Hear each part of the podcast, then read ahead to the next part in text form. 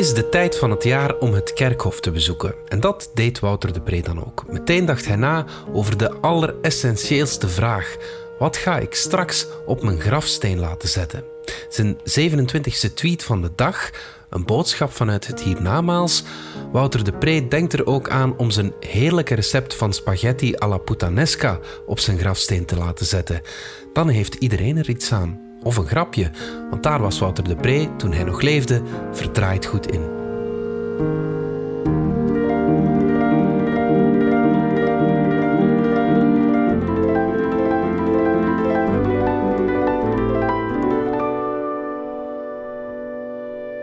Nada, noppes, er is niets, roept een zerk in de Westerbegraafplaats.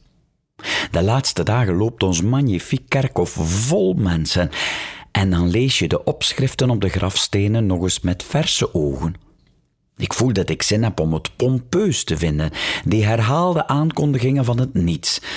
Dat je na je dood nog mensen van hun geloof af wilt helpen. Het is een wel heel grote ambitie vanuit een niet bestaand hiernamaals. Maar wat zet je dan wel op je zerk? Kies maar eens die ene zin, die paar woorden die je wilt laten bijtelen op je grafsteen. Toch net iets anders dan je 27ste tweet van de dag. Ik voel een writersblok opkomen. Maar dan besef ik dat het helemaal geen grote mededeling hoeft te zijn.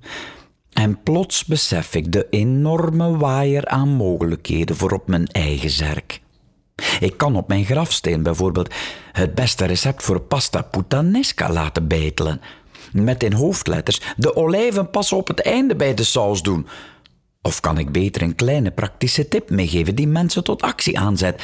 Smeer je fietsketting regelmatig, bijvoorbeeld.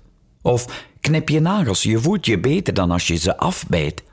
Ik had tot mijn vijftiende nodig om dat te snappen. Al help ik hier maar één kind mee met het starten van een goede persoonlijke hygiëne, dan is het nog de moeite waard. Ik kan postuum nog mijn gelijk proberen te halen. En toch stond David Platt buitenspel in 1996 tegen de Rode Duivels. En op de achterkant van de zerk. Elschot is een grotere schrijver dan Klaus. En op de zijkant, een wortel is geen groente, het is fruit. Knapperig fruit. Wat een heerlijk vooruitzicht. Dat je het laatste woord hebt en je niet eens meer kunt luisteren naar dat eeuwige wederwoord. Ik kan ook kiezen voor volkseducatie en de tafel van zeven laten vereeuwigen op mijn zerk, zodat mijn kleinkinderen ze toch minstens op 1 november nog eens oefenen. Best laat ik achter op de zerk wel de oplossingen bijtelen. Of ik kan ook iets postuum bekennen. Ik was het die de linkerspiegel van de Opel Kadett eraf reed. Je hoeft niet meer kwaad te zijn op de buurman. Of Snoopy was gestikt in een kippenboutje dat ik had laten slingeren. Ik begroef hem dadelijk, maar hij was dus niet weggelopen. Die twee maanden affiches plakken in de wijk waren eigenlijk niet nodig, pardon. Misschien durf ik na mijn dood rechtstreeks erom liefde vragen. Heel koud onder de deksteen. Wil je er even op zitten om hem wat op te warmen? Of eindelijk toch practical jokes beginnen doen. Dood zal ik de reactie van de gefopten wel kunnen verdragen. Allergisch aan chrysanten, pas op, ik kan daaraan sterven. Scheldwoorden, dat kan ook. Een grafsterk die klootzak naar je brult. Smeerlap, trut. Of komt dat te veel over alsof het gaat over de persoon die in het graf ligt?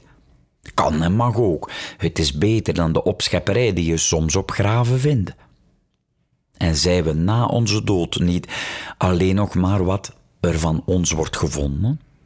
De persoon die het beeld probeert te sturen is heen gegaan.